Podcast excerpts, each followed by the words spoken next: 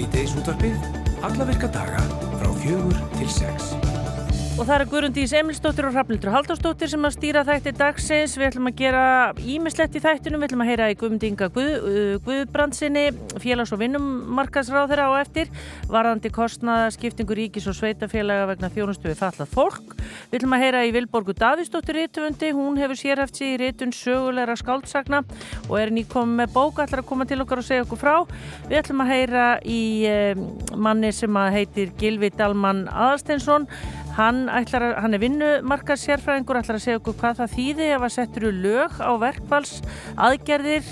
Við ætlum að ringja í Sigur Toll eða Sigriði Tollasjus sem er undirbúa stórtónleika í Hörpu á morgun og við ætlum að ringja austur og heyra í manni sem að veit allt um það hvaða uppbygging er stendur fyrir dyrum á eigðum og það er komið heitt vatn en við ætlum að byrja hér fyrir utan útvarshúsið þar sem að Guðrún Dís er komin.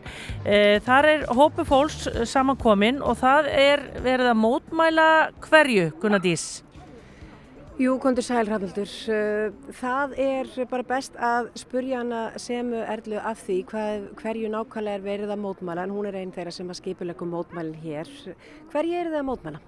Við erum að mótmála því að Ísraels ríki fá að taka þátt í Eurovision uh, í, á næst ári eins og ekkert sé og saman tíma ríkið er að fremja þjóðamorð uh, í Palestínu og okkur þykir Rúf ekki hafa beitt sér nóg í því máli. Við förum fram á það að Ísraeli raunin verði vikið úr keppni uh, vegna þess sem að ríkið er að gera og að Rúf beiti sér fyrir því á vettvangi Evrópska EBU. Og hvernig viljið þið að Rúf beiti sér í þessu máli? Já, hreinlega með því að fara fram á að Ísraelsríki verði vikið úr keppninni í þetta skipti. Það var gert þegar rússar reyðust inn í Úkrænu. Þá voru það í rauninni finnar sem fóru fram á það eða í rauninni bara hóttu að draga sig úr keppni ef að rússar eru með og í kjölfari fór sá bolt af stað sem endaði með því að eðlilega að ríkinu var vísað úr keppninni og við förum fram á að það sama verði varðandi Ísrael. Nú aðfenduðið áðan Stefán Eirísinni út á stjóra myndarlegan lista, undirskriftalista, hvað höfðu margir rita nafnsitt á hann? Já, þetta voru hátt í 10.000 sem hafði undirritað þennan lista sem bæðið mitt fer fram á þetta og í rauninni að ef Ísrael verði með í keppninni að þá drægi Ísland sig úr og verði ekki með. Og munið þið halda áfram að safna undirskriftum? Já, útastjóri fór allavega með þetta erindi inn og sagðist taka það alvarlega og ætla að leggja það fyrir kollega sína og við vonum að það verði, að það muni hafa áhrif, ef ekki þá verð, höldum áfram að sapna undirskriftum mögulega skipulegja frekar aðgerðir, já. Ætlaði að dvelja lengi hér fyrir utan útashúsið? Bara eins lengi og fólk er í stuði held ég. Þetta er bara auðvitað skiptið máli og við erum hér fyrir Palestínu og við höfum mætt fyrir Palestínu og höldum áfram að gera það sem að erla takk hellega fyrir þetta. Já, eins og heyrir safnildur þá eru mótmæli hér fyrir utan, nú, það er nú allt með ró og spekt og hér fyrir allt friðsamlega fram og þau búin að koma undirskriftalistanum í hendur Stefáns Eiríkssonar, þannig að við, við sjáum hvað gerist í þessu máli. Einmitt það. Takk fyrir þetta Gunnar Dís og hún kemur svo hérna inn í hljóðstofu eftir, við ætlum eftir smástund að fá til okkar sérfræðing í, í vinnumarkaði og hann heiti Gilvi Dalman Aðarsteinsson og við ætlum aðeins að spyrja hann út í já, þeirra hérna, löguru sett á verkvarsaðgerðir, hvað það þýði.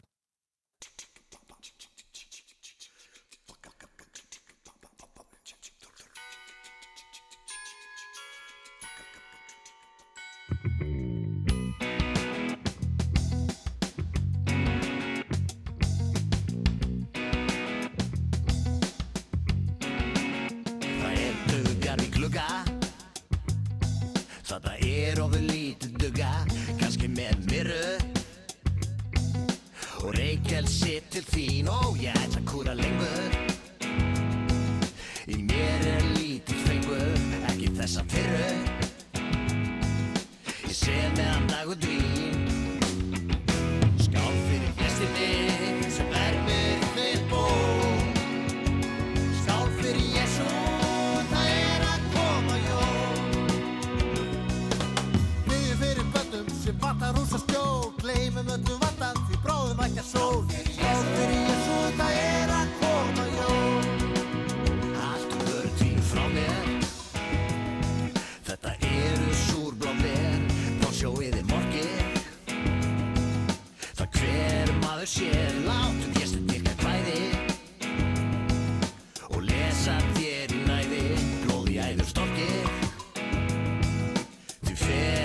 sem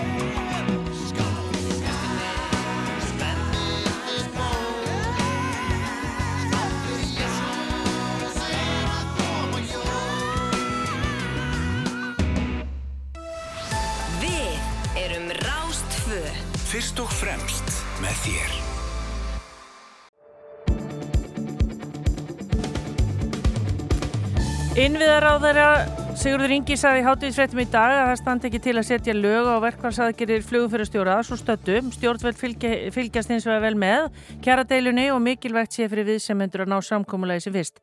Og það hefur ekki verið fundað í kjaradeilu flugumfyrastjóra við samtöku atfélýsir frá því fyrir helgi og enga viðræður hafa verið bóðaðar á næstu dögum. Og flugumfyrastjóra lögðu niður stört fyrst í síðustu viku aftur í morgun millir klukkan fjögur og tíu og svo er áallega aftur á miðugudag.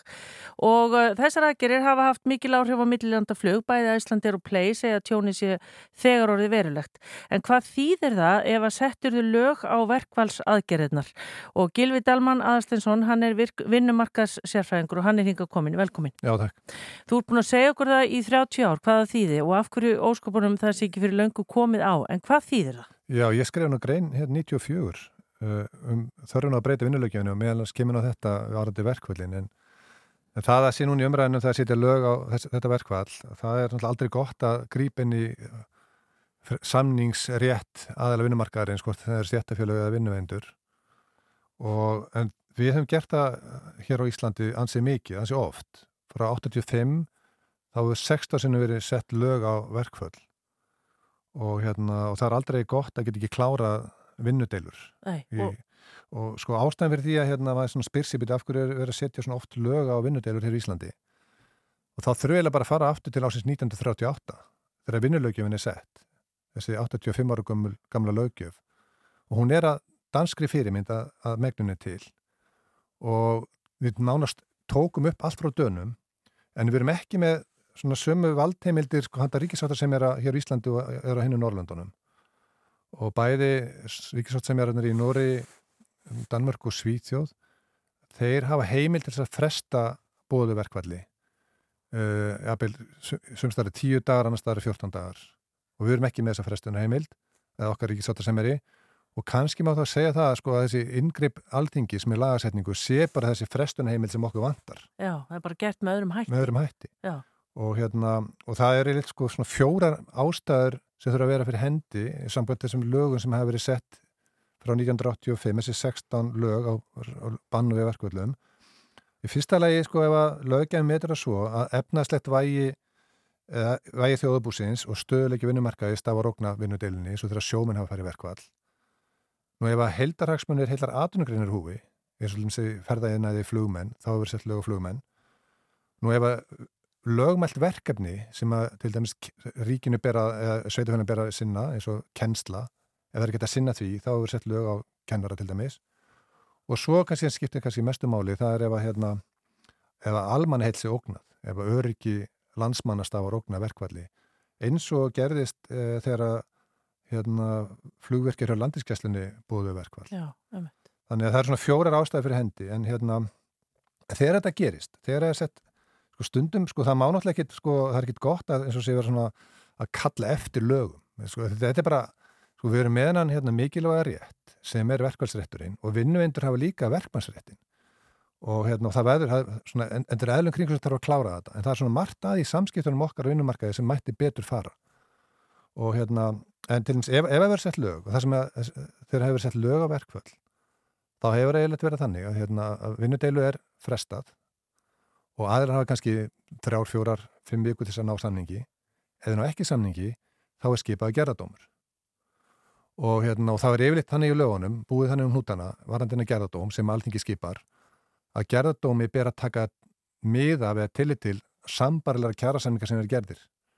Þannig að verði sett lög núna og verði settur, settur á lakirnar gerðadómur, þá er mjög líklegt að það sem kemur út úr þessum hérna, gerðadómi, eitthvað svipa og öðrum hefur verið bóðið í síðustu kjærasamningu. Já, en það er engin tímarami. Þú veist, þarf, þurfa deilu aðilar ekki hafa hist í einhvern ákveðin tíma eða er ekkert svolega, það bara... Sko, mér finnst svona upp á síðkasti, svona síðustu misseri, svona vera þráðin verið svolítið stritt, stittri í, í hérna, aðilum og bóða fyrr til verkvelin áður. Þannig að e, núna voru samningar sem er skilst lausir í september líklega og núna er desember og, hérna, og það eru þrýði verkvastagur var í morgun og svo fjóruði e, á miðugudaginn, ekki satt? Jú. Mm -hmm. Og, hérna, og mér finnst svona, veist, það, þarf, það sem að til þess að skilir fyrir verkvæl er fyrir hendi, þá þurfa árangursleisa samninga við að fara fram. En það að þeir séu ekki að hittast að það sé svolítið Já, það sérstakt. er mat ríkisváttar sem er og þetta getur ríkisváttar sem er, hann alltaf að funda að búa til fundartækjarnar fresti en það er ekki rétt að hérna, sko, sko ríkisváttar sem er hefur ákveðin heimildir sko, hann, mannum ber að hlýða er ef hann bóðar aðal á samningafönd, það er ekki að segja bara nei, ég ætla ekki að mæta það er bara ekkert hægt. Já. En, en myndi þetta flokkast undir að þú taldið þarna upp fjórar ástæður fyrir því að það verður sett lög á verkvöld og er þetta, myndi þetta flokkast undir eitthvað af þessu? Mm, Já, sko núna sjáum við til þess að þegar við varum að setja lög á flugmenn og, og svona fluggeira hérna áður fyrr þá var nænast nánast bara flugleira Íslandi sem að syndi flugimilli Íslands og, og umheimisins. Nú eru svo mörg flugflög að fljúa. Þannig að, þannig að það, þetta er mikil áhrif á þessi flugfjöluna íslensku eins og Play og, og Íslandi er. En það er kannski erfitt að sjá sko hvaða skilir þessi fjögra er fyrir hendi. Og hérna og núna sko er búið að verkvalla mig en ég get ekki séð það sko með þegar ég fór bara inn á heimasíðu leifstöður og sá það að Íslandi er búin að senka flugum og aflýsa flugum. Þannig að þeir eru búin að gera ástæðanir fyrir miðugutæni sem verður ekkit flói eða þess, þetta verkvall verði. Þannig að það verði sett lög á, á hérna, þessa deilu þá vantalega uh, er skanin þegar skeður fyrir flugfélagin gerir það fyrir. Já, en, það er bara spurning hvað gerist í framhaldinu sko. Já, einmitt, en þá, sko, það eru tvær spurningar sagt, hvað þarf hérna til þess að breyta lögunum, sagt, bara til þess að þessu er því breykt og við varum þá sambarileg við uh, hérna nágranna þjóðir Já, það þarf að veita, sko hérna, það verður að hafa eitt í huga að hérna, þessi, þessi magna lögjöf, vinnulögjöf, þetta er alveg magna lögjöf þegar hún var samin árið 1938 sko, þá vildu þeir sem að sömdu lögina, lögin hafa það að markmiði að hún hefði á baku sig velviljað almenningsálit, hún var í sangjörn og tækið tillit til aðalega vinnumarkaðarins. Og það verður gerðar nokkar tilhörn til að breyta vinnulögjöfinni svo mesta breyting sem gerð var árið 1996 og var mikil anstaða með alverkilsræðingarnar og það verður sínt sig að á að breyta vinnulögjöfinni þá þarf að veiga stað mjög mikið samráð með aðalega vinnumarkaðarins. Það verður ekki hægt að breyta sig mm -hmm. Og, hérna, og ég held að sé sko, það sem við erum að sjá kannski hérna, áður fyrir voru verkvælinn þannig að það var bara bóða til alls þeirra verkvæls en núna erum við fann að sjá verkvælinn vera svona stigmagnandi. Það er dagur, dagur, klukkutími, klukkutími og svo, svo einhvern veginn byrti meiri þungi í þessu verkvæls aðgerunum og það er, hérna, ég segir sko að sko, það er ekkert mikið mál að breyta vinnulögjöfinni Nei. Já, það mætti kannski hérna er, er, það bara, mætti kannski... bara kalla þessa, alla þessa aðila að borðinu Já, það, og... það er í stjórnarsáttmálunum að breyta vinnulögjöfinni og, og auka valdheimildi ríkisváttasemjara en það má ekki glemja því að ríkisváttasemjara er líka valdið sem er miðlunum til það og það var nú, sko, þetta er sko ákveð miðlunum til það kemur inn í Íslands lög árið 1925 bara um 100 ár síðan. Og það búið að greiða atkvæðum fjöldan allara, allara miðlunum til það það er ekki fyrir núna, hérna, hvað var í fyrra þegar hérna, miðlunum til að sátta sem er í deilu samtaka aðlýs og eblingar þegar fór allt í skrúnarunni. Mm. En þú talar um það hvað gerist í framhaldinu því að skaðin er mögulega skeður fyrir miðvíkudaginn hvort þið er ef þessi flugfélagi eru búin að breyta öllum eða þeir sem ætluð að fljúa með þeim búin að breyta sínum áallunum. Hvað ef að næst ekki að semja, heldur að verði bara áframhaldandi verkvöld? Já, það er, það er stóra spurningin, hvað, hvað er ætlað sér? Sko, svo er líka eitt í þessu, sko, hérna, í þess tilfelli flugverðstjórar, þeir geta fresta verkvöldi og þessi frestun heimild, sko, hún er ekki til með sjá ofnbryr starfsmönnum, þannig að ofnbryr félagin er verkvalli og getur ekki fresta verkvalli þetta er bara í engageranum eða á þessu tilfelli. Mm.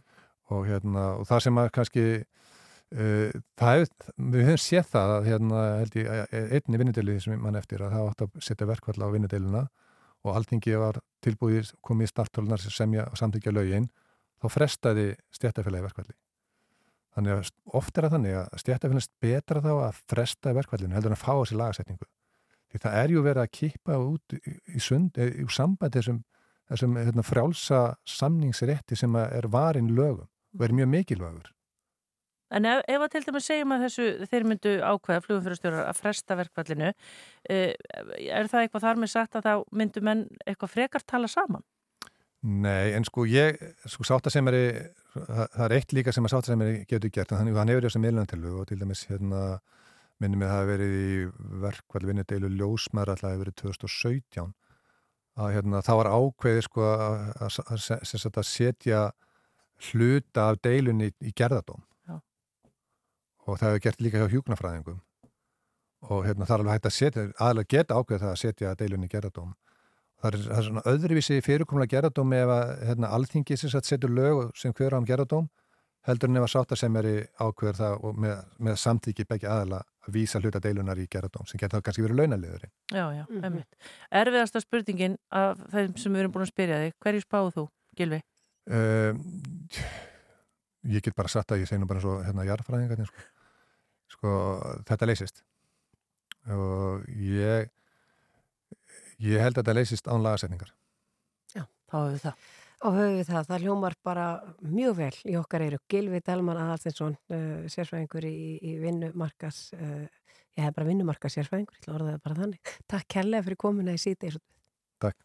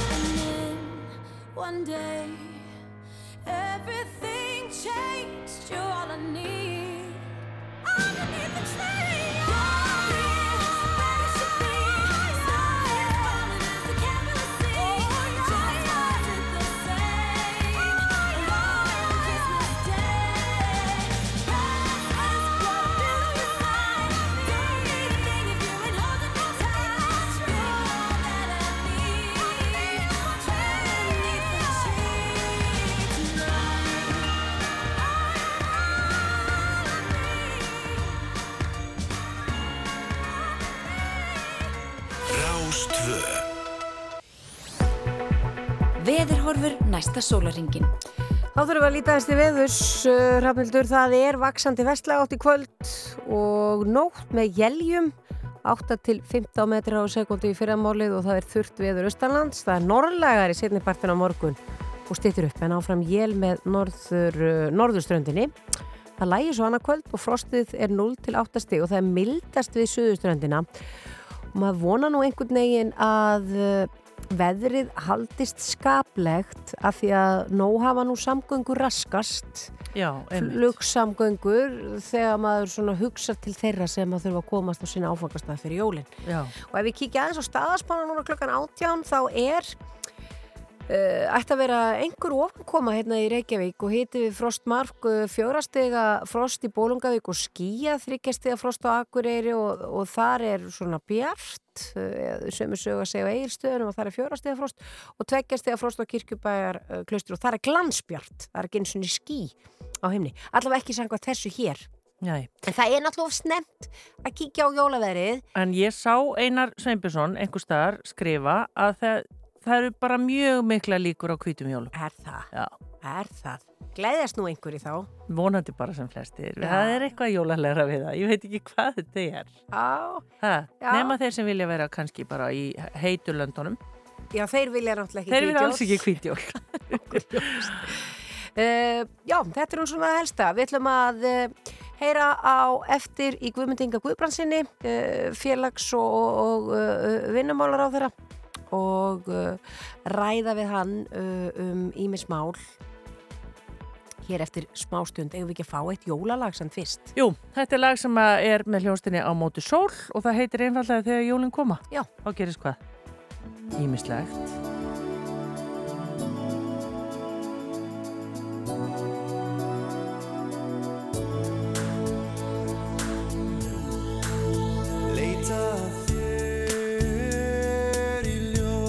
Ljósa með.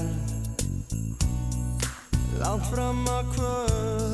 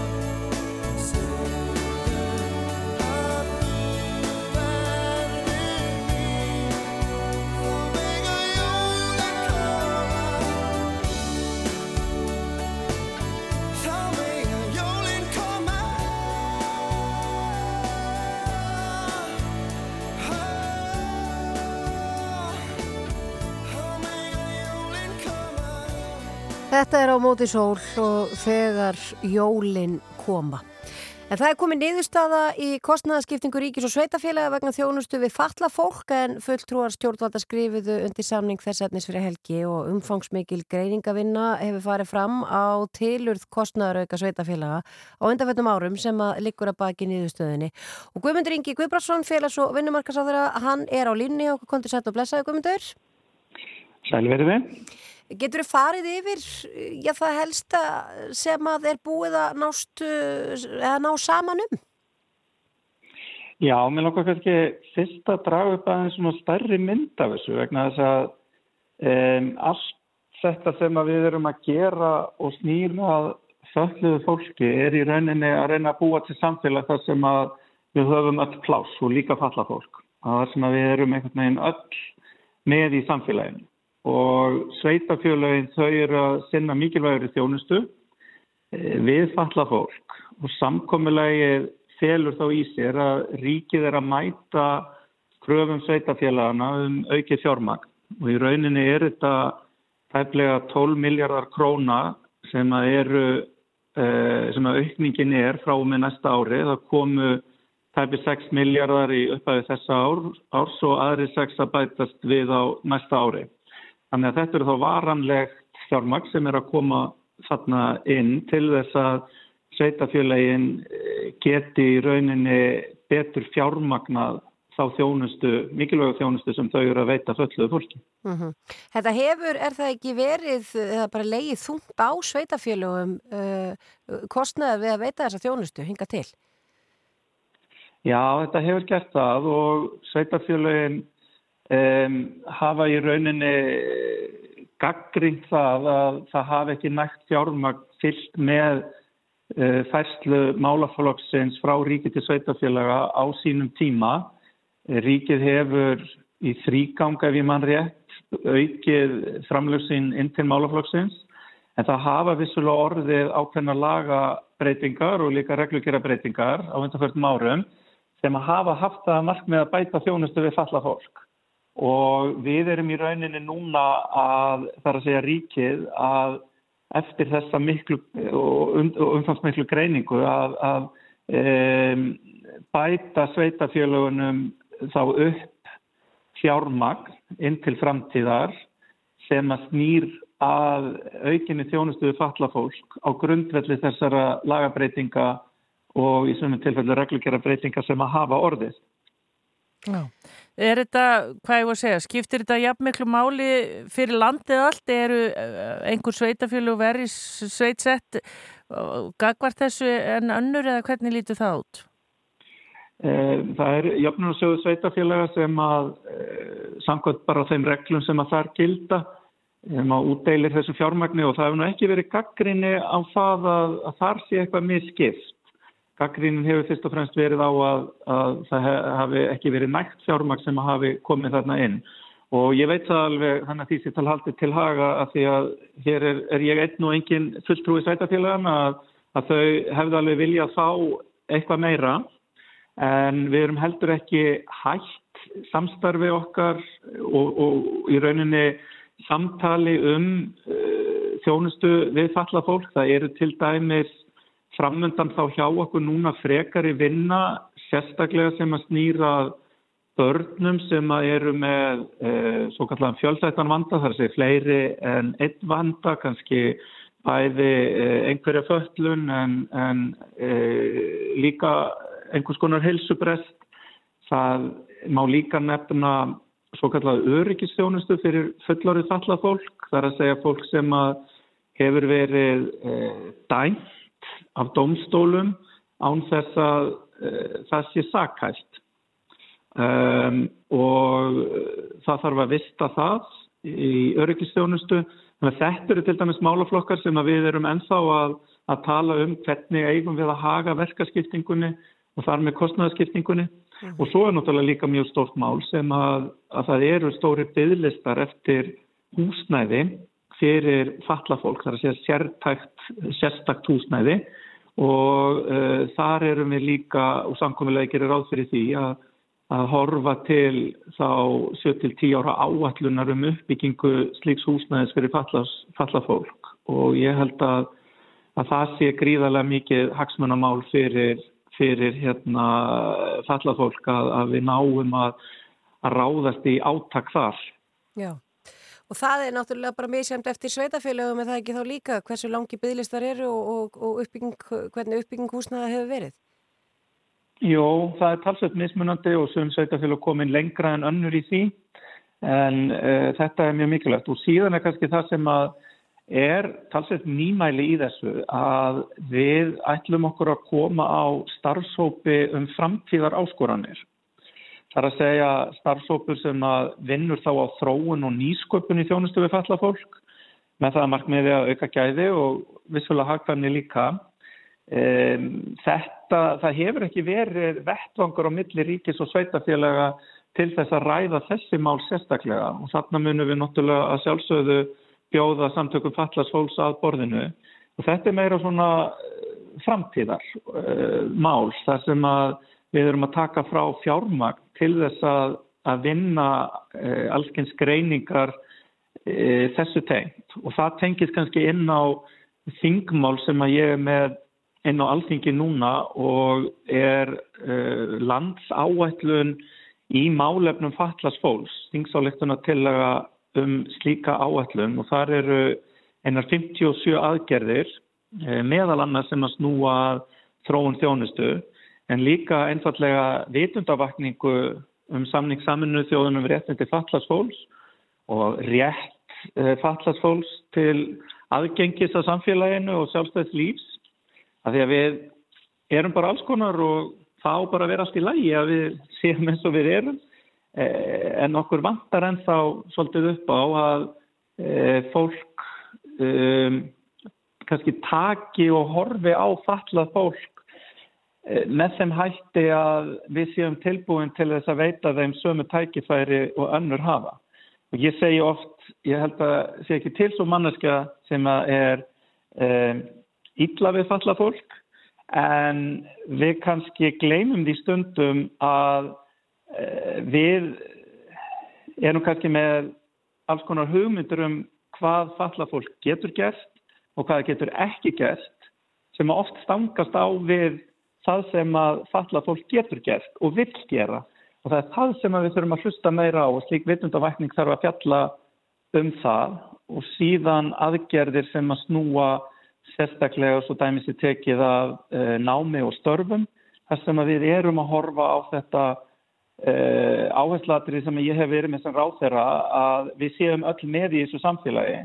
Uh, má kannski orða þetta þannig að sum okkar þegar þú ert að læra hjóla þá þarfst stundum að nota hjálpardekk og sum okkar þurfa bara einfallega að hafa hjálpardekkin lengur undir hjólinu og kannski bara alltaf og ég segi bara aftur það má líka vegna þess að það á að vera pláss fyrir okkur öll í þessu samfélagi. Mm -hmm. Mjög gott mál, Guðmundur Ingi Guðbrandsson, félags- og, vinnumarkasráð þeirra. Takk kærlega fyrir að vera á línni hjá okkur. Takk fyrir.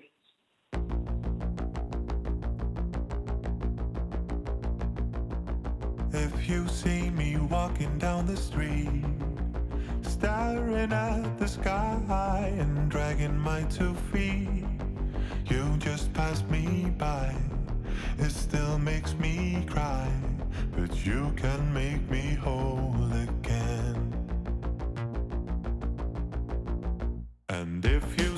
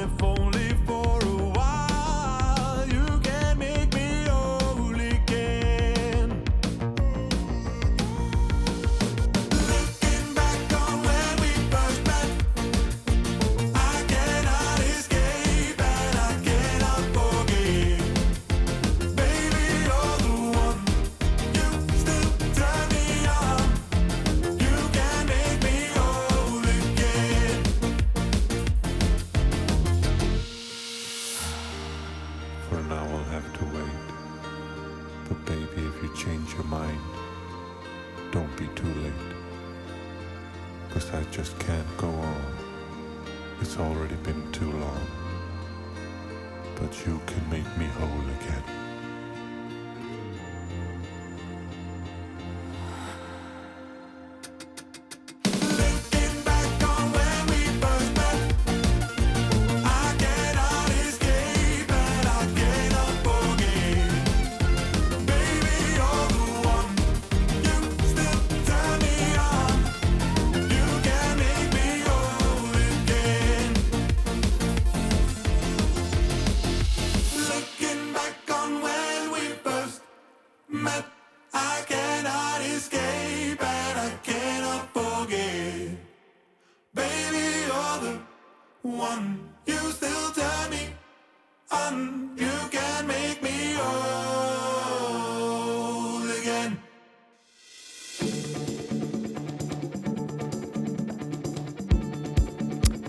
Tilkynningum og fimm fréttum og svo höldum við áfram hér og gestur okkur hér eftir fimm er Vilborg, Vilborg Davísdóttir Rittufundur, hún er að koma úr upplestri nummer 33 held ég og ætlar að þess að segja okkur bara frá þessu stuði sem er alltaf fyrir jólinn hjá Rittufundum. Þetta er þvílík törn. Já, þetta er bara alveg meira átt á törn. Já, við ætlum líka að hringja austur á eftir, það er mikil uppbygging að eyðum uh, og uh, já, við, þetta er gamall alþjóðu skóli sem að þar er meðal annars og svo eru íbúrhús og annars líkt og þau voru að fá hitaveitu núna í fyrsta sinn, aldrei verið. Umhverfisvænt. Já, það er bara geggjað og líka svo miklu ódýraðar náttúrulega fyrir þá sem þarna búa í staði fyrir að þurfa að hýta vatnið öðruvísu. Já, svo ætlum við að ringi Sigriði Tólasíus, hún er á æfingu, eða var á æfingu fyrir í dag í Eldborgarsal Hörpu. Það eru stórtónleikur á morgun, hún og Sigurður Guðmundsson, þau eru svona jólaparið svolítið, Mhm. eina það er náttúrulega mörg jólapör, en við ætlum svona að heyra hvort hún sé til dæmis búin að baka, Já. spyrjum hana því. Spyrum hana því, er ég hérna með eina skemmtilega frétti í Rækaugunni og MBL Mm. í dag? Það er verið að rífast um hár á feguradrottningu. Já. Já, það eru... Uh, Valla rifist þannig að hún var nokkuð tókað í hárið á Nei, henni? það var ekki rífið í hárið á henni en þau eru mistór vandamálin sem að fólk er að velta sér upp úr en það er sérst tvítug Eve Gilles sem að vann feguradsangetina Miss France Já. um helgina og hún varð fyrsta stuttklifta kona til þess að vinna í 103 ára sögu keppninar.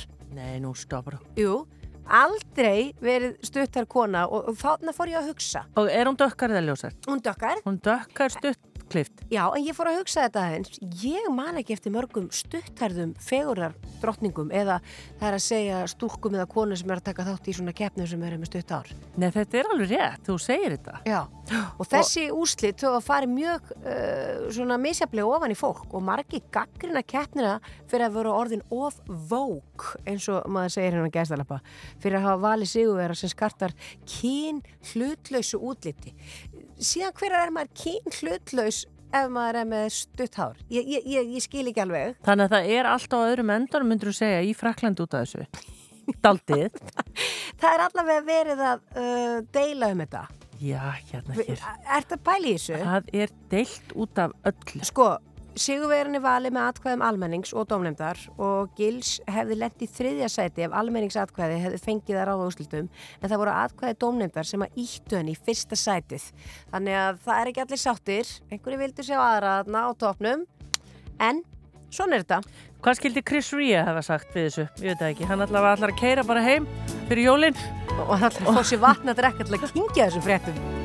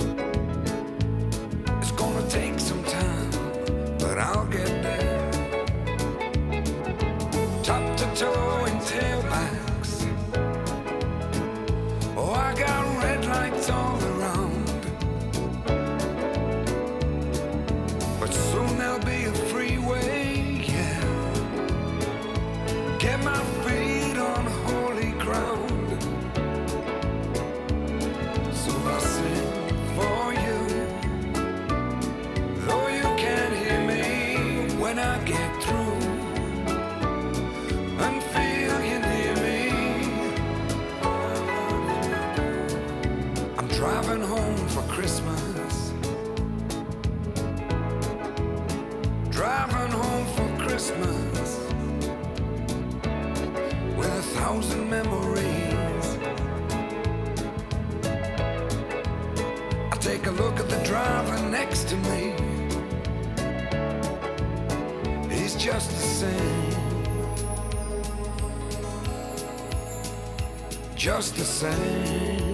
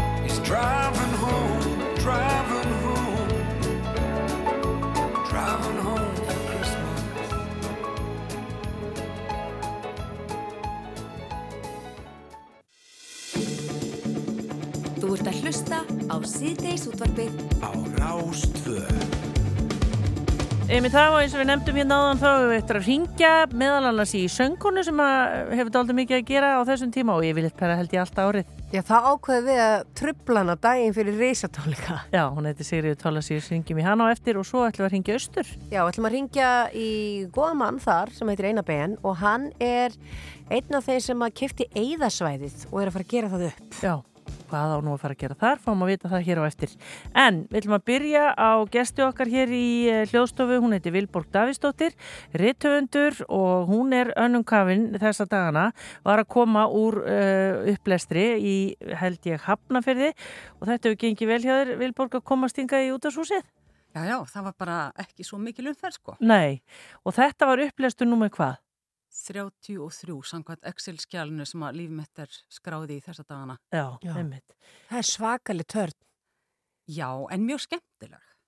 Bara, þetta er náttúrulega mjög skríti starf að vera rithöfundur og vera með svo skáldsögu fyrir jólinn vegna þess að maður setur kannski 2-3 ár og bara einhverja manísku hugar ástandi einn með sjálfan sér og svo koma 6-7 vikur sem maður hefur til þess að koma bókinni út til fólks. Já. Og þá hittir maður svona alla sem að maður hefði kannski hitt á þessum 2-3 árum þú veist, bara á þeim tíma sem sagt. Já. Já. En hva, hvaða fólk er þetta sem þú ert að lesa upp fyrir? Bara... Það eru, sko, þetta er nú oftir þegar maður er með öðrum höfundum þá er þetta ofta bókasöfnin og svo eru bara, já, svona ég er búin að fara á Ísafjörð þar var Edinborgarhúsi, menningarhúsi með upplestur sem vorum 5-6 saman og Ólarsvík þar var það grunnskólinn sem efnar alltaf til bóka upplesturs, söðakrókur bókasafnið og svo höfuborgarsafnið þá er þetta, já, reynda líka bókasafnin en svo kannski bara fyrirtæki það er svona jólavaka það er svona, eh, er svona kannski ég, ég verið á Hafrarsóknarstofnun var núna hjá kennurum í Hafnarferði og já, það er bara það, þetta er bara ómisandi þáttur einhvern veginn í aðdrandar jólan fyrir svo mörgum, það er að fá rítvönd í heimsók til að segja frá og lesa upp úr bók sem að er nýkomin út. Já. Það sér íslenskt en alveg sérstaklega sérmérandi síður, finnst mér. Já. Ég var að skoða eins hérna, googla þig, auðvitað þekkju við þið vel og Íslandikar veit alveg Vilbór Davísdóttur og allt það, en mér sýnist hérna, þú ert auðvitað uh, búin að helga svolítið svona síðustu ár, þú ert að skrifa skal, sögulega skaldsögur. Og fyrsta bókin við Urðabrun, hún kom út 1993, þannig að það hlýtur að vera afmælis ár í ár. Heyrðu, Það er er rétt- 30 ár síðan, þetta Já. er bara næstu í vandræðalegt. En það, jú, í nógumber síðastlunum að þá voru einmitt 30 ár liðin frá því að þessi, þessi það kom út við urðabrinn og norðantúmur og svo voru getna út sama sér korkusaga, miklu fleiri sem kannast við hann undir því, þeim titli. Já. Og við heldum svona lítið málþingum daginn og í ettu hús íslenskunar til að bara halda upp á þrítusammæli stelpunar og það var alveg ótrúlega skemmtilegt og þar voru kennarar meðal annars að tala og segja frá því hvernig þeir hefðu verið að nota bókina Já. Og í seljaskóla til dæmis, þar er öll bókin henni skiptumilli alls tíundabekkjar og tveir og tveir nefndi taka sér kapla og gera teiknumindarsögu og svo setja þetta upp á gangana í öllum skólanum og svo er þetta bara þarna allan veiturinn og það var alveg stórkostlegt að sjá hvað þau eru frjó og flott þessi krakkar, hvað þau ge gerir þetta vel. Og svo eru náttúrulega alls konar það er verið að gera vídeomyndir og bara allt mögulegt, ég var hérna bara með ríka augunum í Æ, 40 mínútur fallegt. sko. Þú sér, ég les þessa sögu við urðabrunn í tíundabæk. Nei, nei, nei, nei, nei, það getur ekki verið Jú, jú, það er svolítið þannig. Þannig Það eru kynnslóðinnar hér í Já, já. síðdegisútvarpinu. Uh, þannig að hún hefur komið út þegar ég var 13 ára. Er enn verið að kenna hana í tíundabæk? Já, já, já, hún er búin að vera í sjö ári kjenslu hann í seljaskóla til dæmis, hún er kend í hörðuvallaskóla, mörgum skólum. Já. Já, en hún hefur fengið alveg ótrúlega... Og maður hérna- hýttur að þykja vænt um svoleiðis. Já, og það er svo margt skemmtilegt sem tengist henni, sko. Ég, Þetta er sögursvið, þar er svona aldamótin 900 og þetta er bara átt að norsk-ískrar ambáttar fyrir frelsi úr Já. ánuð, eða ekki? jú, þannig, þannig byrja þetta fyrir 30 árum, en það er svo kostulegt að öllum sem 30 árum síðar og þá er ég með bók sem heitir Landnæturna sem gerist einmitt um, jú, aldamótin 900. Já, einmitt. En hvað er þetta, Vilborg? Af hverju ekkert neginn er þetta svona þitt viðfangsefni? Vikingöldin, Já, sko, nótabenni, ég hef skrifað nokkra bækur sem gerast á 14. og 15. öld líka, sko. já, einmitt. Mér finnst þetta bara svo heillandi tími og kannski sérstaklega landnámstíminn og líka heiðinin, norræna trúin sem að við vitum og svo ótrúlega mikið um vegna þess að við höfum Snorra Sturluson og, og, og mér finnst bara Íslandikar ekki alveg eh, skilja sko mikilvæg þess að við eigum hennan sagnar sem að þó Íslandikarsjóðan séu að skrifa lungu eftir að atbyrðinni hafa átt sér stað að þá er samt í þeim svo mikill glukkin í fortíðina og hann að horna heim sem engin annar í öllum heiminum hefur. Nei. Og já, mér finnst þetta, mér finnst þetta, þetta er bara mín ástriða er einhvern veginn að reyna að skilja hvernig þetta var Já. og skrifa sögur sem að lýsa hvernig er að lifa þennan tíma. Og til dæmis í þessari nýjustu bók að þá er ég svolítið upptekinn af völvunum og hvernig e, giði átrúnaður var. Já, og þú hefur svolítið líka sko haft svona konuna svolítið í hávegum. Já, það er nefnilega, sko, auðvitað sagnarverðin er auðvitað alltaf að, hann er svolítið skrifaður af kallmennum fyrir kallmenn, kannski um kallmenn. Þannig að, já, það er svona meiri eigða þegar kemur á konunu, þannig að þá má ég skálda. Já, Og, og hérna, en ég menna, við værum ekki hérna ef það er ekki verið aðna. nei, einmitt. nei. Þannig að, hérna, já, mér þeirra saga hefur ekki, þeirra sögu hefur ekki verið hampa nógu mikið.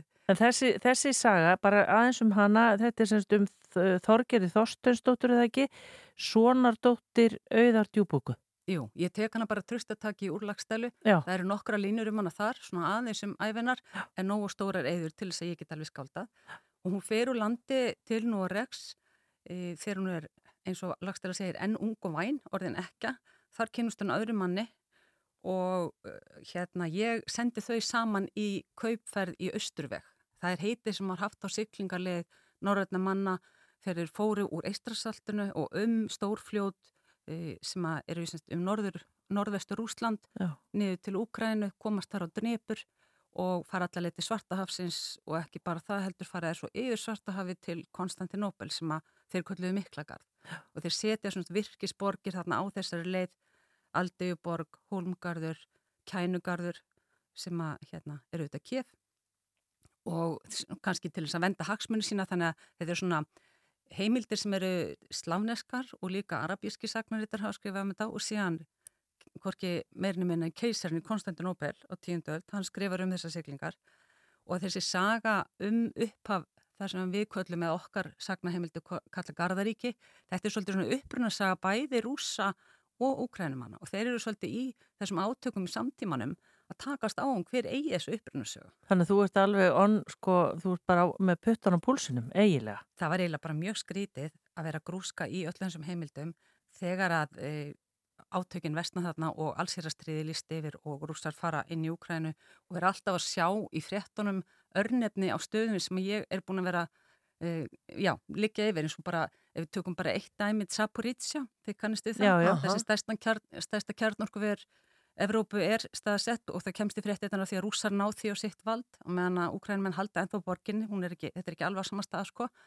E, þarna á þessari átrinjepur e, sem rennur í gegnum þessa borg að þar eru, það er svona 60 km belti þar sem eru mikið flúðasvæði og það er sér til lýsing á því hvernig norrænu menn fóru að því að komast yfir þessar hættulegu flúðir og akkurat það sem er líkur þar e, semst, er þessi borg og tsa, ógræðinsku það þýðir fyrir handan og Poritsja þýðir flúðir. Þannig að borgin heitir fyrir handan flúðirnar. Já. og það er sagt því að þarna, þarna sérst, það er gríðastór eiga e, sem tilherir hérna, tilherir Poritsja borginni sem er út í Dnepur Þar fór þeir í land eftir, eftir ef þeir komist nú alla leið yfir hrúðurnar á þess að, hérna, já, segja, kannski ekki hrakvalla löst í þær heimildir rúnasteinar sem segja frá því að menn fórust stundum í þessum flúðasiklingum. Þá fara þeir þar í land á sér eigu og, og færa þakkir fram að við gríðastór tre, eigartre sem að voru einhver 500 ára gumil tre þar ábyggla á þeim tíma og eru enn sagt, mjög stór eigartre þannig að það rýmar alveg við þessum við vitum að trúa menn færðu fórnir, matfórnir eða, eða jafnvel lifandi dýr, eitthvað slíkt fyrir framann tré. Já, og þú byrjuð að skrifa eða allavega grúska í þessu og skrifa þess að sögu þegar að þetta stríðskellur á. Já, já, já, og reyndar áður en að innrásinni gerði mann mjög vel eftir að halva ári áður, þá rakju augun í það að Vladimir Putin var að vitna í sömu heimild og ég hef verið að vinna með. Að uh, slafneska, þessi slafnesk krónikar sem segir frá upphafi ríkis í Kiev sem er semst, ekki Rúsland, ég ætla að taka fram, þetta er kallað eða Rúsveldið með einu essi og það líður undir loka miðöldum. En þá er hans að vittna í þessa heimild og rángfærir í einu orð, það sem er sagt að, sem sagnarittarnir sem að er, segist fyrir að, að hérna, hafa eftir orðmann sem er tölur og nýjundöld, að kef eða kænugarður uh, skuli vera móðir allra borga í rús stendur í heimildinni. Mm. En Vladimir Putin notar þetta í langri ræðu þar sem hann er einhvern veginn að búa til sögu um það að úkrænumenn og rúsar séu einu og sama þjóðin vegna þess að í þessari sögustandi að þetta sé móðir allra borga, allra rúsneskara borga Já. sem er allt annað hlutur. Og bara ég fór og fann ræðun hans á netinu þegar ég sá þetta í fyrirsögn í Guardian eða einhverjum netmiðli sko að því mér fannst þetta svo skrítið. Og og já, og, og ræðan er þarna öruglega svona hálftími flutningi bara á vefsíðu Kremlin Kremlin.is Afbakka bara þetta þarna. Nákvæmlega, það er sögufölsun. Vá, þetta er ótrúlegt En Vilborg, svo ertu sko að því held hérna bókinni landnæturinnar, öll þessi kort og allar þessar tekningar og svona, þú, þú, ég menna þetta er, sko, eitt er að vera reytuundur og fullir við fullt bara ótrúlega hérna flott og fínt, en þú er teiknandi, ég menna hver gerir þetta? Ertu grúskið allt í kringum þetta? Þú sjálf? Sko, ég sé um grúskið, Já. en ég er með frábæran hérna, það er grafískur hönnur á fólæðin sem heitir Emilia Ragnarsdóttir sem gerir kápurnar Já. og hún eh, reyndar, nei, byrju fyrir ekki það var hún hérna Margaret Lagsni sem gerir landakortin, Já. en ég bara sendi bara, sendi bara Google Maps og set bara punkt og segir Novgorod er sama holmgarður, Laduka er aldrei í borg og svo bara setur hún punktana og brotalínuna eftir leiðinni sem að Þorgerið Þorstinsdóttir völva fyrr í þessari bók. Já, hérna Jésús, þetta er mjög spennandi. Herðu, en sko, af því þetta var, var þetta þá síðastu upplisturinn í byli núna? Já, já, já, já. er ég koni í jólafrí. Nú ertu koni í jólafrí. Þú komst með hérna svolítið grip með þér að því varst að segja sko sumir bökuðu súrdegsbröð í COVID Já. en Vilborg Davíðsdóttir gerði hvað? Ég gerði með völvustaf. Já. Sko, ég, í bæði bókinni undir Yggdrasil sem er um Þorgerði og síðan þessari nýju landnætturna, þá er ég mjög mikið að skoða hvernig völvan hreyfir sig inn í þessu hérna samfélagi og Þorgerður er semstu völva og við fyrir mjög og það eru ímsa vísbendingar í sagnarfinum og meðlan sem mjög, svona besta lýsingi sem við höfum um völvu er Eiríksögur rauða þar sem er sagt frá því að völvan sem er að fara að spá á Herjólfsnesi á Grænlandi, hún er klætt í alls konar dýraskinn og hún er með lampskins hatt og hún er með kattarskins glófa og hún situr á sessu með fylta hænsna fyrir. Þannig að maður sér allir saminginu að þetta er eins og í sjamanisma bara frumbyggja þjóða og bara sem er vel tekt til dæmis á Grænlandi líka sem ég nú stúdur að líka út á bók að það er verið að tengja sér fuggla á dýraríkinu. Þannig að um, völva, hún heitir völva vegna þess að hún átti völ. Það er sagt ráðið, það er höfðu staf svona ein, einhvers konar embætis tákn þannig að völva er svo sem á völin. Og þessi völur er sem sagt, þetta er bara góð furugrein úr sumabústað í Bláskóabið og á hann eru festar, festir ímsi gripir sem að magna upp kingjukraftin úr dýraríkjunu, hérna er nú rjúpufjarir einmitt úr Bláskóabið hér er tófulöpp, hún er fenginn frá Sýþjóð, úlstón frá Grænlandi sem ég var gefin. Já, og hérna hér. hér er svo gæsalöpp frá Bakka Ölfusár. Og svo hérna reynda Svansfjör, hún er nú bara á 101 Reykjavík. En uh, já, svo, svo á ég reyndar heima, hann fekk ekki að fara með. Hérna, það er sérst ég er með annan völ heima þar sem er Arnafjörður og Arnafjörði af því að hún er eiginlega ofgumil til að fá að fara í heimsóknir. Þetta og hér er svo dundaði, tófulöpp úr, úr er þetta, þetta stundum er lesendur að gefa mér eitthvað fallegt Já. en stundum bara kemur þetta til mín. Og þetta er og svo er efst á þessu er ull vegna þess að það er auðvitað söðkindin að þakka við höfum lifað af í svo landi. Og svona öðrum þræði, þannig svo mörg skemmtileg orðatiltæki sem tengjast tófinu í íslensku og þá þegar að vera að spinna þráðin og, og hérna, sögu þráðin eða annað þráð að þá eru þetta allt, allur textíl alveg samkvort það eru segla á vikingarskipi eða blegjur á smábætnin, þetta er allt unnið í höndum af konum. Þetta er, ef- fengirðu semt eitthvað, eitthvað svona, eitthvað part af dýri, hvað sem það var í tönni eða eitthvað, er það enn að bæta á? Já, já, það kæmist meira á hann. Það kæmist meira þú- Reyndar eins og ég segi. Já, það verður að vera eitthvað kingi magna náttúrulega. Já, sko dýrin og fugglarnir, þeir, eh, sko, það þarf einhvern veginn að tengja sig við öll dýrin. mhm. Og ég, sko, reyndar, hérna, skemmti mig við hann og reyndar í þessari bóklandnæturinn og þá gerist hluti af henni um miðan vetur í Rúslandi og vetur og sólstöður eru svolítið mikilvægar í sögunni fyrir það sem að eh, Þorgerður þarf að fremja seðgaldur og þá er best að nota þessi skil í árinu þegar að sólinn, sko, það þarf að fá hann allar ís aftur. Mm. og þá, sko, þá er mitt nota ég þetta orðalag að öll náttúran þarf að leggjast á eitt með manninum. Sagt, þá eru menn að dansa svona jóladans og eru grímubúnir og skreittir fjöðrum og, og skinnum. Að hérna til þess að tryggja það að gullskjöldurinn hann rísi upp fara aftur að lengja dagurinn og, og sólinn hérna rísi aftur á himninu þannig að hjólið eða jólinn þetta gangi allt sin rétta, sinna réttu leið. já, hérna hér. Já, ég... Svo erum við bara að dúla sér við ímislegt annað en, en. Vilborg Davíðsdóttir, við ætlum aðeins að spyrja bara rétt í lokin, ertu komin sem sagt, byrjar núna, að- frá mig núna að bara taka til fyrir jólinn og baka og skúra og skrúpa og bóna eða hvað? Og ég monta mig af smákuðbaksturinnum. Já. Maður á ekki að gera svo jú, jú, þú mátt það. Ég er búin að baka. Mæ! Hún er búin að öllu gott fólk. Ég er búin, ég held sjóla smákuk búið að lögadaginn og ég reyndar átti bara fimm sortir af þeim en það voru samt nýju í bóði. Þetta er eina jólahefðin sem er ófrávíkjanlega á mínu heimili.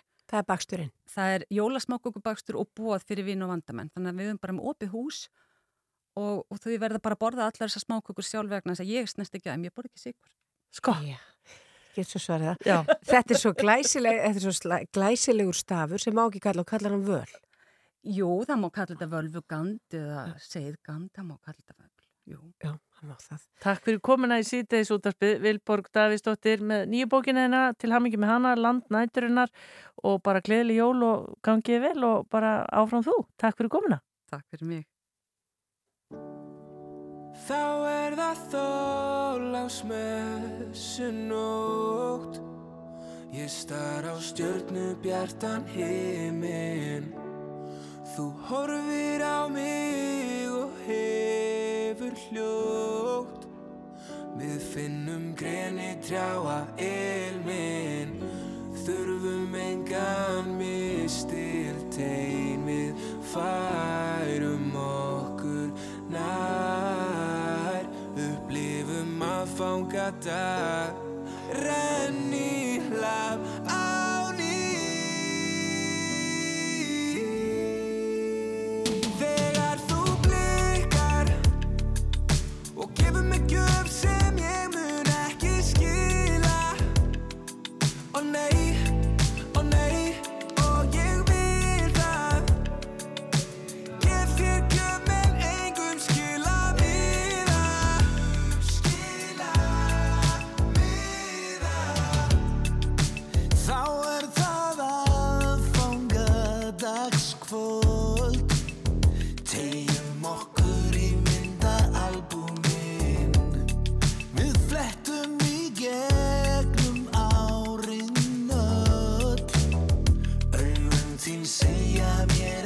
做你。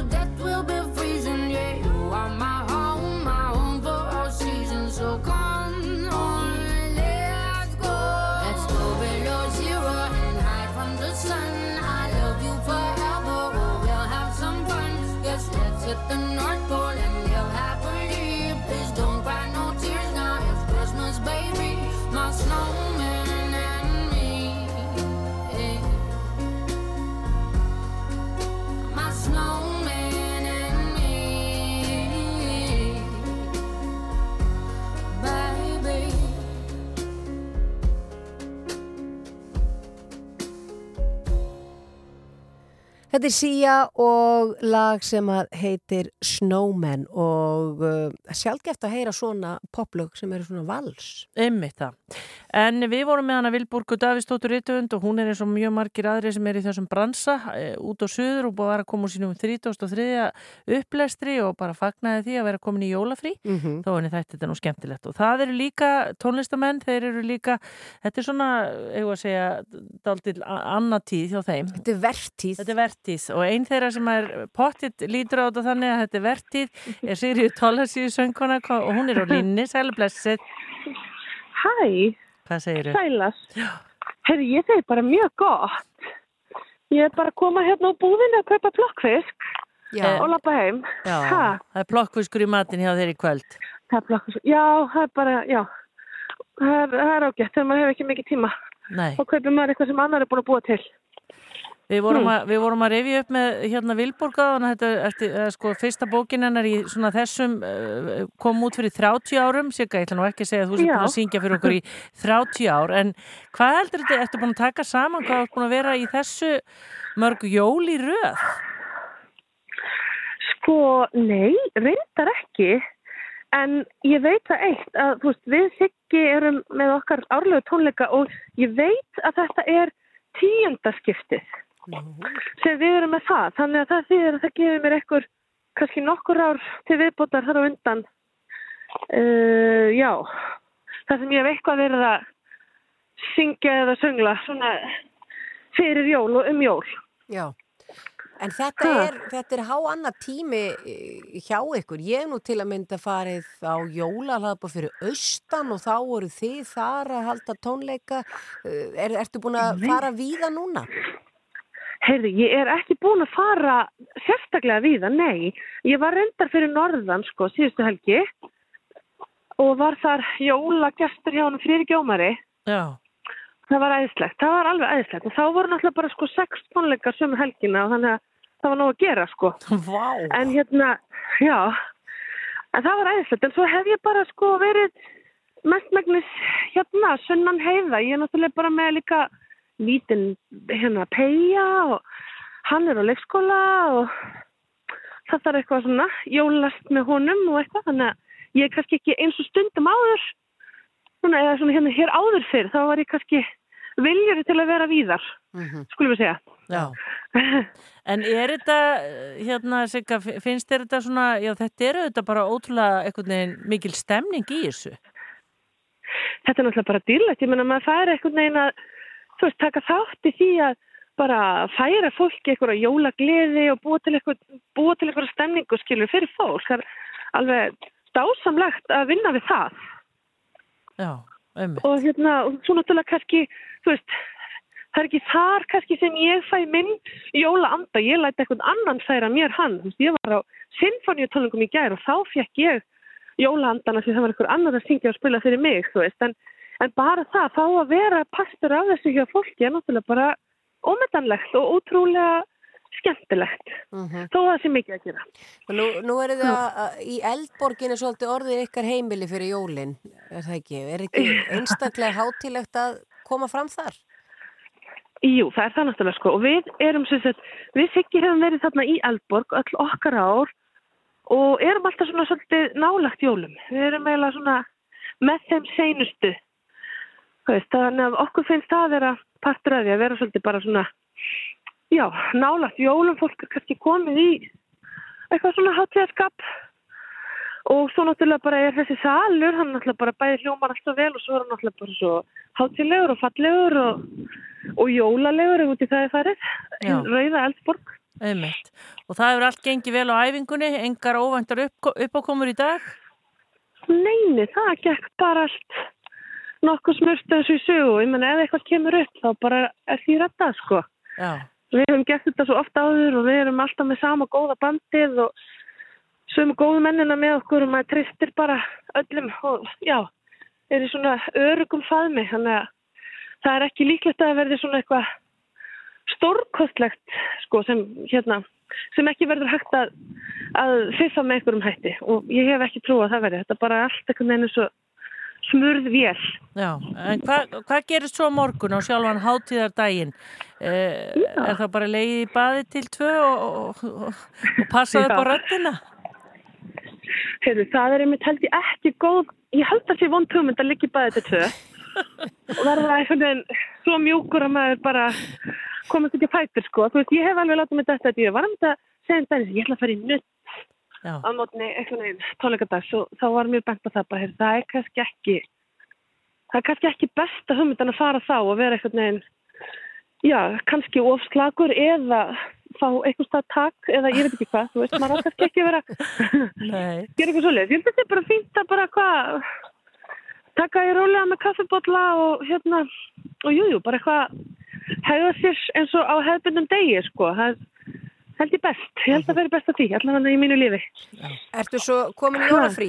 Eftir það, eftir tónleikana? Já, ég er með eitthvað svona pínulítið, þú veist, eitthvað hérna litlar inn komur eitthvað staðar og hérna, já, sem er endar, já, alveg fram á þólasmessu en, en það er alltaf öðru, þá er maður bara eitthvað svona stökkva eitthvað í tvölu auga eða eitthvað svoleiðis, það er nú bara lítið og létt og, og bara, eins og segi, bara hátilegt í sjálfu sér. Já. Þannig að ég hlýtt að geta farið að eitthvað, kaupi matinn og eitthvað skreita jólatri, ég ætti að geta það. Já, en, bak, en, en bakari fyrir jólinn, Sigga? Heyrðu, ég hef nú ekki verið neitt sérstaklega við það. Ég hérna, var að hugsa um að baka núna og hérna gaf sinni mínum pipaköku og hann sagði bara, ég vil þetta ekki. Þá sagði ég bara, ok, þá býðum við bara með það. Þá ætlum ég ekki að baka í ár. Nei, af því ekki viljum við borða þetta. Ef að börni vilja þetta ekki þá bara, já, já. Nei, ég hugsa allavega að þú veist, það, er, það eru pipakökur út um alltaf eitthvað smákökur hér og þar og heimurinn verður ekkert verið þó ég baki ekki í ár. Nei, Ég held ekki. einmitt það. Eru uppselt á tónleikunum morgun, eða hvernig er það? Það er eiginlega uppselt. Það Já. er kannski einhverju örfáar meðar á, það er einhverju örfáar meðar, það er ekki margir, en það væri auðvitað svakalega gaman bara að hafa, hérna, hafa eitthvað í hverju sæti. Einmitt það. Það væri alveg æðislega gaman. Hmm. Við segjum bara gangi ykkur vel á morgun, Sigga Toll og Siggi Guðmunds og hátíðatónlingum í Eldborg og bara gangi vel og verður að góðu með plokkfiskinn.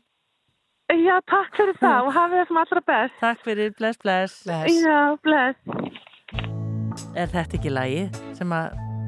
Þetta er eitt af þeim allra bestu. Já. Desember kveðja.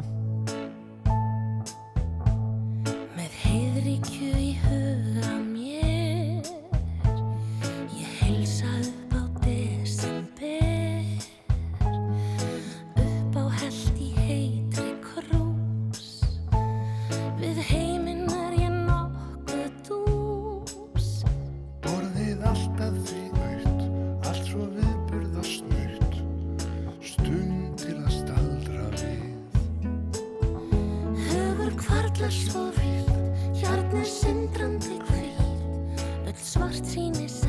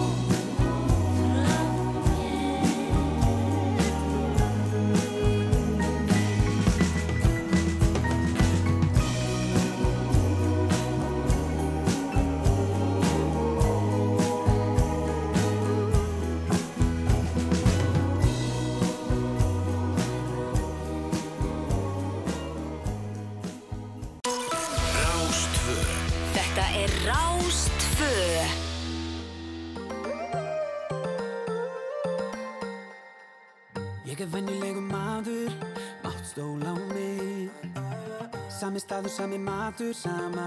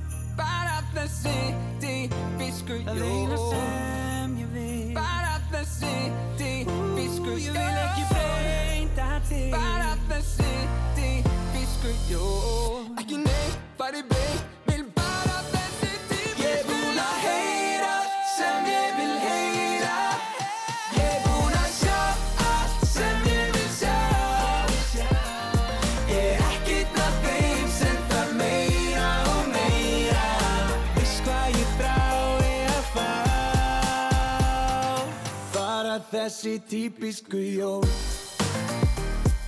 Yeah, yeah, yeah, yeah Bara þessi típisku jól. Bara þessi típisku jól. Þetta eru auðvitað Ice Guys og það hafa verið mikið fjör í, í Hafnafyrði um helgina þegar við vorum með tólingana. marg fylltu kaplakrika uh, og það var held ég það ég sá svona ákall á Facebook frá fólki eh, veit eitthvað um einn miða, einn miða og æskast það var bara nei, ekki til. ekki til. Þannig að þeir hafa greinilega hitt á eitthvað þarna þetta, þetta boyband en uh, fyrir helgi þá fengu íbúar og gestir í 22 byggingum að eigðum hitaveitu í húsin í fyrsta sinn og þetta gerist fimm mánuðum eftir að byrja var að leggja heitavarsleðslu til sveðisins og á eigðum var um áratögaskeið mentasetur en þar var gamli alþýðuskólin og nú hafa stór huga aðilar keift eigðarsveðið og hyggja þeir á enduníun og uppbyggingu þar á næstu árum. Og við erum komin í samband við Einar Ben Þorstensson og hann er einn af þessum sem að er að taka hann til hendinni, kontur sæll og blessaður Einar. Já, sæla. Já, þegar við lásum þessa fréttir, þá langaði okkur bara svo að ná í þessa aðila sem að ætla að tæta og trilla allt þarna fyrir austan. Í það er reyndar alveg rúmlega tvö ár sem við fengum leiklana eðum og það er verið búin að byggja jæmt og þjött upp síðan og, og eiginlega líkillin svona að þetta verkefni er mögulegt er að fá heitt vatn á svæði sem er náttúrulega að nýtast öllum hana, ekki bara, ekki bara okkur. Já. Já. Það kvíslaði ykkur að okkur að það væri meiri segja sundlu þarna eða hefði verið? Er það á að blása lífi í hana? Heru, ég er búin að banka í alla flýsar í lauginni sko og það var allavega hægt að láta renni í hana sko, hef maður í stuði. Já. Já. Uh, ég þór ekki að lofa að það verði almenningslögu það sko. Nei. En, en kannski verið hægt að tengja af ykkur á heilsulendi eitthvað síðar. Já, en einar ég meina, ok, þú segir, tvö ár síðan að þið uh, festu kaupa á, á þessu og hvað sáu þið fyrir ykkur? Er ekki hálfgett brjálaði að kaupa hérna heilt svæði og ætla að gera hérna, eða hvað ætla að gera? Það er náttúrulega ekki ruggla að fara í svona verkefni, það er alveg rétt, en, en hérna, og það er eiginlega ekkert Excel-skjál sem býður upp að það er nokkuð maður að fara í það, þannig að við bara settum fingur svolítið út í lofti og fórum á stað, sko. Já. Og, og við erum náttúrulega stefnaðana bara á uppbyggingu á, á flottri ferðarhjónustu þarna á næstu árum. Já, en getið þið nýtt eins og til dæmis bara uh, þannan húsakostum fyrir var?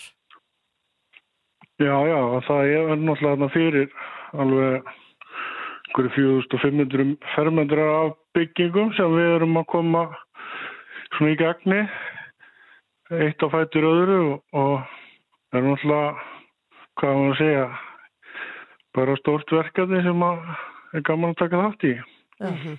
mm. En það eins og þú segir, nú er komin hýtaveita á svæðið, þannig að þetta var vantarlega þá hvað, kynnt upp með rafmagni allt saman hann áður.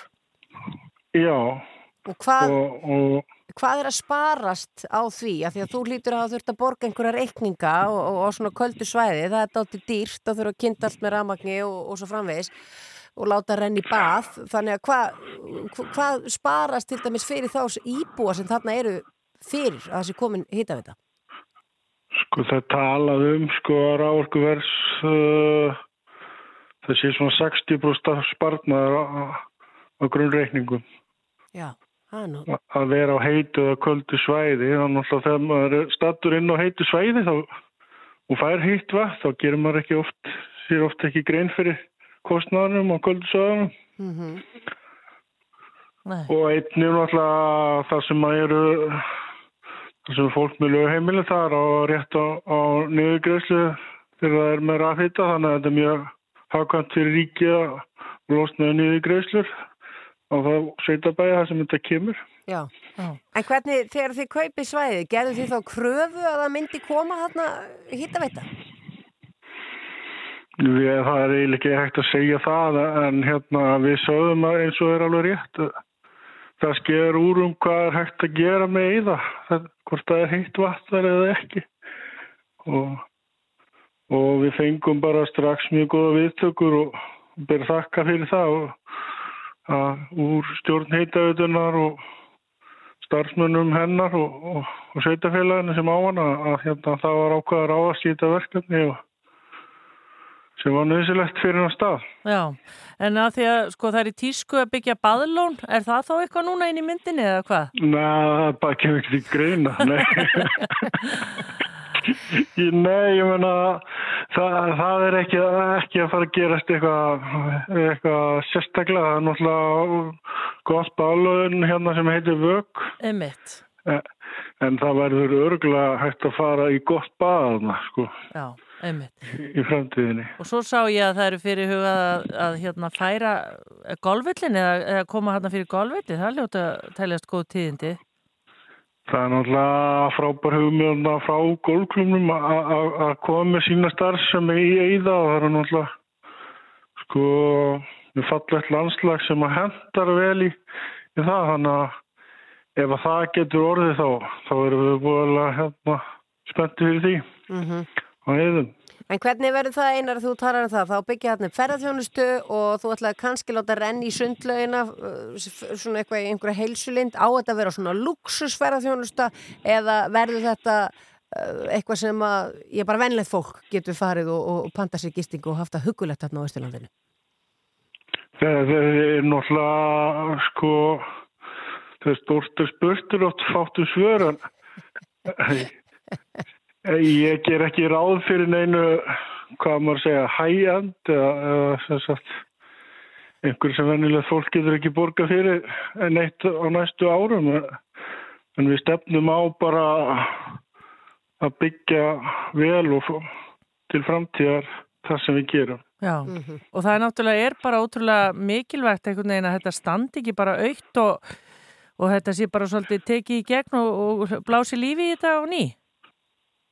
Já, algjörlega og svo bara öll þessi steinstepaðna sem stóðu ónótuð og, og að endur nýja svona húsakynni er kannski, kannski 20% kólefnisspur á því sem að er að búa til nýtt sko. Já. Þannig að þetta er, þetta er bara og svo fólk uh, nokkra kynnslóður hérna austan sem að elskar hennar stað þannig að þetta er bara vinn-vinn.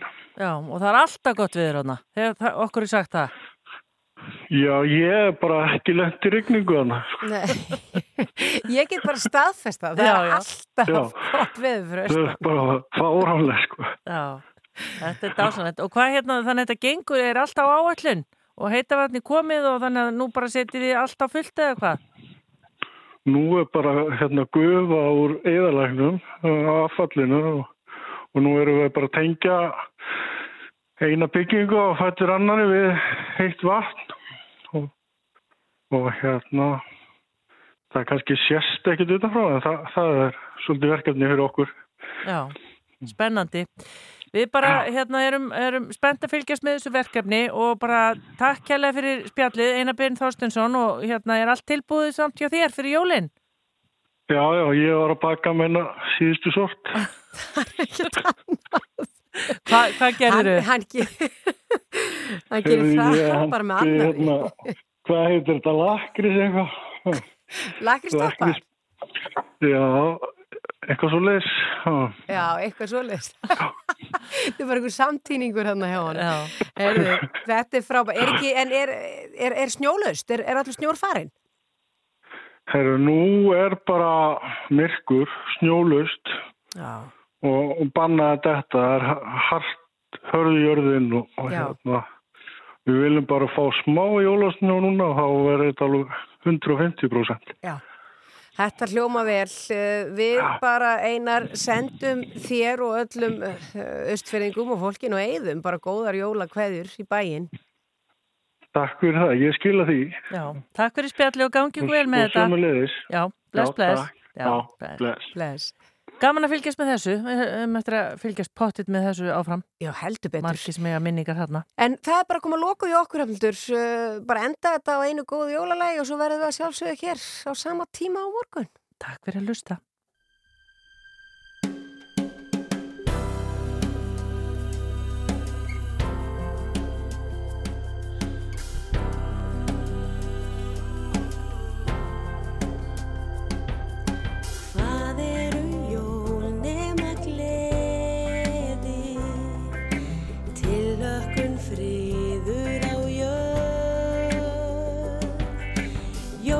Jólasveit reyndir og sleði